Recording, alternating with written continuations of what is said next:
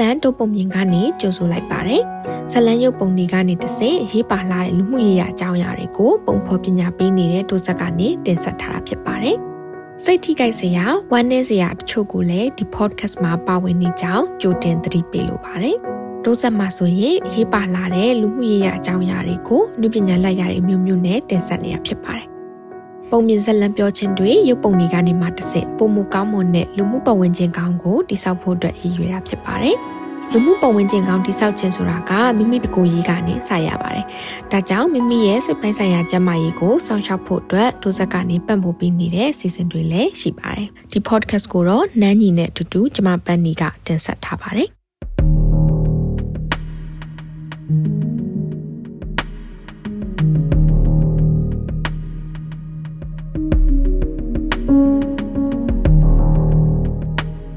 ထိုးတန်ထိုးပုံမြင်အပိုင်းလေးအတွက်ဖတ်ပြမယ့်ဇာတ်လမ်းကတော့ robot ဆိုတဲ့ဇာတ်လမ်းဖြစ်ပါတယ်။ဒီဇာတ်လမ်းကိုအပြည့်အစုံဖတ်ရှုခြင်းနဲ့ဆိုရင်တော့ www.dohzat.org ဆိုတဲ့ website မှာဖတ်ရှုနိုင်ပါတယ်။ဒီ robot ဆိုတဲ့ဇာတ်လမ်းကိုပြပြထားတဲ့သူကတော့အခုလက်ရှိမှာပြည်ပနိုင်ငံတစ်ခုမှာရောက်ရှိပြီးတော့လှုပ်လှုပ်ကိုင်နေတဲ့သတင်းတောက်မျိုးသမီးတူဖြစ်ပါတယ်။သူ့ရဲ့မေ့တက်အောင်လေ့ကျင့်ထားရတဲ့အကျင့်ကြီးတစ်ခုအကြောင်းကိုပြပြထားဖြစ်ပါတယ်။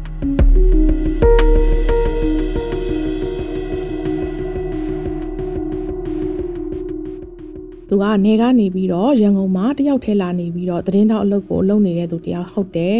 အမျိုးအဆွေလည်းရန်ကုန်မှာမရှိဘူးမိဘကလည်းနေမှာအဝေးမှာ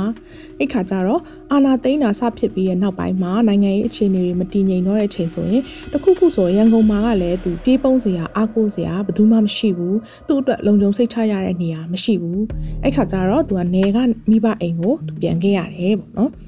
သူပြန်တဲ့အချိန်တုန်းကအင်တာနက်တွေဖြတ်ထားတဲ့အချိန်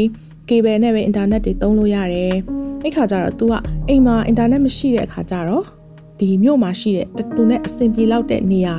ကိုရွေးပြီးတော့သူအချိန်ပိုင်းသွားသွားသုံးတယ်သူများအိမ်မှာသွားသုံးရတယ်ဒါပေမဲ့အဲ့ဒါကလည်းရေရှည်ကြတော့အဆင်မပြေဘူးမပြေတဲ့ခါကျတော့နောက်ဆုံးမှာသူဘာလုပ်ရလဲဆိုတော့ သူတို့နေတဲ့မြို့နဲ့15မိုင်လောက်ဝေးတဲ့နေရာတစ်ခုမှာအင်တာနက်ရတယ်သုံးလို့ရမယ်ဆိုတဲ့နေရာတစ်ခုရှိတယ်အဲ့ဒါကိုသူရှာတွေ့ခဲ့တယ်သူတည်င်းအလုပ်ကိုလည်းမရက်ပစ်ချင်တဲ့ခါကျတော့တပတ်မှာ2ရက်လောက်အဲ့15မိုင်လောက်ကြီးကိုအဝေးသွားပြီးတော့အင်တာနက်သွားသုံးတယ်ပေါ့နော်အဲ့15မိုင်ဆိုတဲ့ခရီးရလဲလမ်းမှာစစ်စေးရေးခိတ်တွေအများကြီးရှိတယ်ကွန်ပျူတာတွေဖုန်းတွေအတန်ဖန်ဆက်တွေအဲ့ဒါတွေကိုသူ့အိတ်ထဲမှာသူကထည့်တယ်လာပြီးတော့အလုပ်သွားလုပ်ရတာဖြစ်တဲ့အတွက်ကြောင့်မလို့အဲ့ဒီစိတ်စေးရေးခိတ်တွေကိုဖြတ်သမျှအချိန်တိုင်းက စိတ်ထဲမှာတထိတ်ထိတ်တထိတ်ထိတ်နဲ့တကယ်ငရဲပဲအဲ့လို15မိုင်သွားပြီးတော့အင်တာနက်သုံးပြန်တော့လေတီးတက်လွတ်လွတ်လပ်လပ်သုံးရတာမျိုးမဟုတ်ဘူးလူတန်သူတန်တွေဘေးမှာရှိနေတယ်လူတွေကဘေးနားကနေဖြတ်နေတာမျိုးတွေရှိတယ်အဲ့တော့သူကခိုးကြောင်ခိုးဝက်နဲ့အကြောမလုံမဲနဲ့တည်င်းအလုပ်တွေကိုလုပ်ရတယ်အိမ်ရမိသားစုတွေကလည်းသူ့ကြောင့်ကောင်းကောင်းနေလို့မရတော့အမေဆိုရင်ညတွေမအိပ်ဘူးညဆိုအိမ်ရှိကိုထွက်ကြည့်လိုက်အခန်းထဲမှာရှိသေးရဲ့လားသူရှိသေးရဲ့လားလို့လာကြည့်လိုက် အဖေဆိုလို့ရှိရင်လည်းတစ်ချိန်လုံးအိမ်ရှိဘက်ကိုပဲတစ်ချိန်လုံးကြည့်နေတယ်မတင်ကားစရာရှိနေလားဖြစ်နေလားဆိုတာမျိုးစိတ်တပူပူနဲ့နေနေရတယ်ပေါ့နော်ကြာတော့ तू ကအိမ်ကိုအားနာလာတယ်သူရှိနေတဲ့အတွက်အရေးတွေပြတ်တယ်အစားတွေပြတ်တယ်အိမ်ကလူတွေကအမြဲတမ်းကြောင်းကြပူပဲမှုတွေနဲ့ကြောက်နေရတယ်အဲ့ဒါနဲ့နောက်ဆုံးတော့မိသားစုနဲ့မနေတော့ဘူးသူနိုင်ငံရဲ့ခြားကိုထွက်မယ်ဆိုပြီးတော့ဆုံးဖြတ်ပြီးတော့ထွက်လာခဲ့တယ်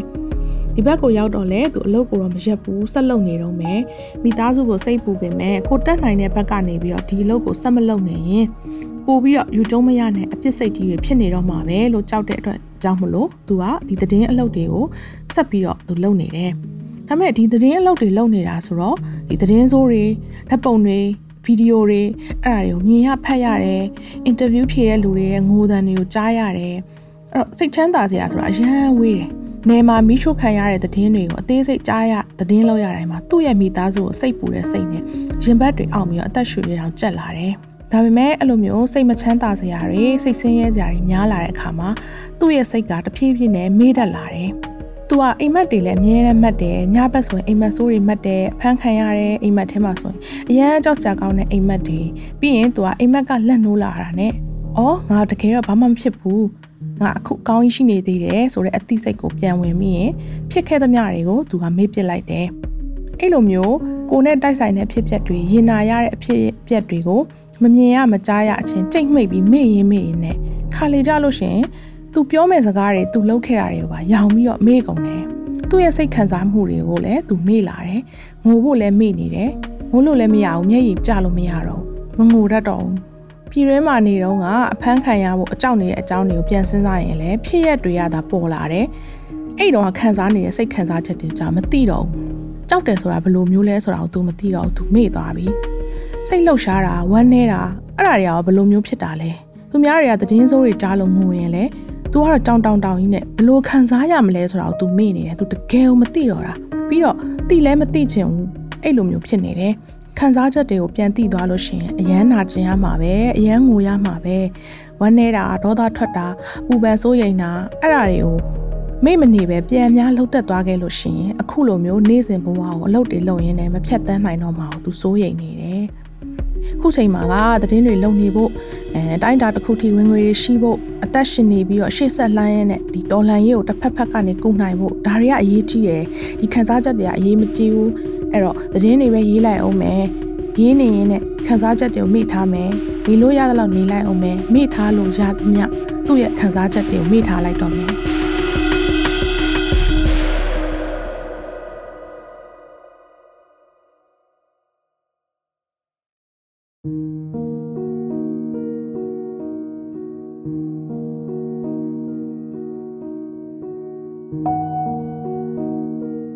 တို့တွေခံစားနိုင်တာထက်ပိုများတဲ့အခြေအနေတွေစိတ်ဖိစီးမှုတွေကိုကြုံလာရတယ်ဆိုလို့ရှိရင်ကိုယ့်အနေနဲ့ခံစားချက်တွေကိုသတိမပြုမိတော့ဘဲနဲ့ထုံပစ်ပစ်ဖြစ်လာတတ်တယ်။ကြုံတွေ့ရတဲ့ဖြစ်ပျက်တွေကိုမေ့သွားတာမျိုးဒါမှမဟုတ်ရင်ခံစားချက်တွေမရှိတော့တယ်လို့မျိုးဖြစ်တတ်တယ်တဲ့။ဒီဟာကနာကျင်ရတဲ့စိတ်တန်ရာကြောင့်မလို့ဖြစ်ပေါ်လာတဲ့လူသားဆန်တဲ့တုံ့ပြန်မှုပဲ။ဒီလိုမျိုးဖြစ်ရတဲ့အပေါ်မှာကိုကိုရိုင်းကအတုံးမကျလို့နော်ကိုတယောက်တည်းမှထူးပြီးတော့ဖြစ်နေတာမဟုတ်ဘူးဆိုပြီးတော့မှလည်းသဘောပေါက်ဖို့လိုအပ်ပါတယ်တဲ့။ ကိုမှရှေ့ဆက်မဲ့အရာတွေရှိနေတဲ့အတွက်ဒီလိုခံစားချက်တွေကိုလည်းသူတွေကအတိမတ်မပြုတော့ဘဲနဲ့ဟောလှုပ်ဆက်ရှာတော့လှုပ်ရမှာပဲဆိုပြီးတော့မှအာတင်မီလှုပ်တဲ့ဟာမျိုးတွေဖြစ်တတ်တယ်ဒါပေမဲ့လည်းတို့တွေရဲ့အုံနောက်ထဲမှာအတွေ့ထဲမှာတို့တွေရဲ့ခန္ဓာကိုယ်ထဲမှာတော့ဒီနာကျင်မှုတွေဒီခံစားချက်တွေကရှိနေမှာပဲဖြစ်တယ်ပေါ့နော်။ emotional numbness လို့ခေါ်တဲ့အခုလိုမျိုးခံစားချက်တွေထုံးပေးပြီးဖြစ်တဲ့အပေါ်မှာကျတို့တွေကခံစားချက်တွေကိုမဖော်ပြချင်တော့ဘဲနဲ့ဒါတွေကိုလည်းရှေ့တန်းလည်းမတင်တော့ဘူးတက်ရှင်ဖို့အလုပ်ကိုပဲစက်ရုပ်တရုပ်လိုမျိုးဆက်ဆက်ပြီးတော့မှလုပ်နေရတဲ့ဟာမျိုးအဲ့ဒီအခါမှာစိတ်ပိုင်းဆိုင်ရာခံစားမှုယူရင်ချင်းကနေဒါမှမဟုတ်တုံ့ပြန်နိုင်စွမ်းနေပါယွန်နေလာတာမျိုးကိုတွေ့ရတယ် အခုဒီ story လေးမှာဆိုလို့ရှိရင် victim ကပေါ့နော်နောက်ထပ်စိတ်ပိုင်းဆိုင်ရာရုပ်ပိုင်းဆိုင်ရာနာကျင်မှုတွေထပ်မဖြစ်လာအောင်လို့ကိုရိုင်းကရှောင်ဖယ်ပြီးတော့မှကိုယ့်ရဲ့ခံစားချက်တွေကိုပိတ်ချပစ်လိုက်တာမျိုးတွေတွေ့ရတယ်။အဲ့လိုမျိုးဆိုလို့ရှိရင်ဒီလိုမျိုးခုတ်လုပ်တယ်လို့ခေါ်တဲ့တို့တွေရဲ့နော်ရင်ဆိုင်ကြော်ဖြတ်တဲ့စွမ်းအားတွေကဒီလိုနီးနေတော့လောလောဆယ်တော့အဆင်ပြေနိုင်ပေမဲ့လည်းရေရှည်မှာဒီဟာကအလုပ်မဖြစ်ဘူးပေါ့နော်။ တကယ်လို့ဆိုလို့ရှိရင်ကျမတို့တွေရဲ့ခံစားချက်တွေကယူကျုံမရတာချစ်ရတဲ့သူတွေကိုဆုံးရှုံးတာစသဖြင့်ပုံစံမျိုးမျိုးတွေပေါ်မှာကျမတို့တွေရဲ့အုံနောက်ကမခံစားတော့ဘူးလို့ဆုံးဖြတ်လိုက်တိုင်းမှာဒီခံစားချက်ကြီးကပျောက်ကွယ်သွားတာမဟုတ်ဘူးဒီစိတ်သေးမှာနှလုံးထဲမှာအုံနောက်ထဲမှာစိတ်ဝင်နေတယ်ပြီးရင်ဒီစိတ်ဒဏ်ရာတွေကိုတင်းစီးတာများတဲ့အခါမှာခန္ဓာကိုယ်မှာလည်းခါးရီနာလာတတ်တယ်လို့မျိုး ဖြစ်လာတတ်တယ်။ဒါကြောင့်မို့လို့သူတွေကခံစားချက်တွေကိုအတိမတ်ပြုပေးရမယ်။အဲ့လိုကနေမှစတင်ပြီးတော့ကိုကိုကိုဂယူဆိုင်ရမယ်ပေါ့နော်။ပြောရင်ပြောတယ်ဝမ်းနေရင်ဝမ်းနေတယ်စိတ်ဆိုးတယ်စိတ်နှောက်ယှက်ဖြစ်တယ်။စသဖြင့်ကိုယ့်ရဲ့ခံစားချက်တွေအကုန်လုံးကိုကောင်းတယ်ဆိုတယ်လို့မဝေဖန်ဘဲနဲ့ခံစားရတဲ့ခံစားချက်ကခံစားချက်ပဲဆိုပြီးတော့မှအတိအမှတ်ပြုရမယ်။ပြီးရင်မတွေးချင်တဲ့အကြောင်းအရာတွေကိုဟဲငါမတွေးဘူးဟေးဆိုပြီးတော့မှအတင်းရှောင်ဖယ်နေတာမျိုးမဟုတ်ဘဲနဲ့ရင်ဆိုင်ပြီးတော့ဖြေရှင်းဖို့လိုအပ်တယ်တဲ့။ကောင်းမွန်ကျန်းမာတဲ့နည်းနဲ့ရင်ဆိုင်ဖြေရှင်းရမယ်။ဥပမာအဖြစ်ယဉ်နှီးတဲ့ယုံကြည်ရတဲ့သူတွေကိုဖွင့်ပြောပြတာမျိုးလိုအပ်တဲ့အကူအညီတွေကိုလိုအပ်တဲ့နေရာတောင်းခံတာလိုမျိုးကိုအတွက်စိတ်အဆင်ပြေစေမဲ့ကိုကြိုက်တဲ့အရာလေးတွေလုပ်တာမျိုးကနေမှတဆင့်ကိုကိုကိုကျန်းမာဖို့အတွက်ကိုအတူတူရင်ဆိုင်ဖြေရှင်းကြရမှာဖြစ်ပါတယ်။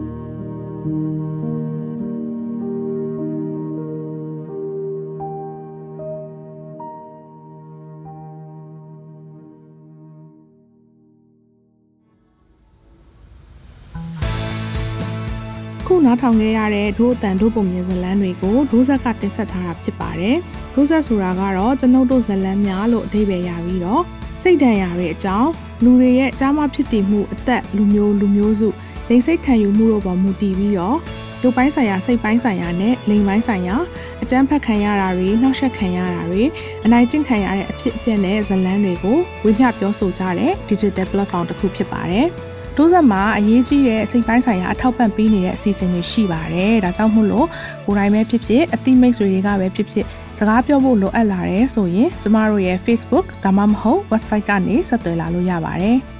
လူတိုင်းကပုံပြောသူတွေအမှုပညာရှင်တွေဖြစ်တယ်လို့ကျမတို့ကယုံကြည်ထားပါတယ်ကိုယ့်ရဲ့ကျွမ်းကျင်မှုစိတ်ဝင်စားမှုနဲ့တန်ဖိုးထားမှုတွေကကျမတို့နဲ့တူညီနေမယ်ဆိုရင်တော့ပုံမြင်ဇလန်းတွေအမှုပညာလက်ရာတွေနဲ့ရိုးစက်ရဲ့စီမံကိန်းတွေမှာပါဝင်ဖို့ဆက်သွယ်လာနိုင်ပါတယ်။ တို့တန်ထိုးပုံမြင်ကိုနားထောင်ပေးတဲ့အတွက်ကျေးဇူးများကြီးတင်ပါတယ်။တငယ်ချင်းမိတ်ဆွေတွေကိုလည်းမျှဝေပေးဖို့မမေ့ပါနဲ့နော်။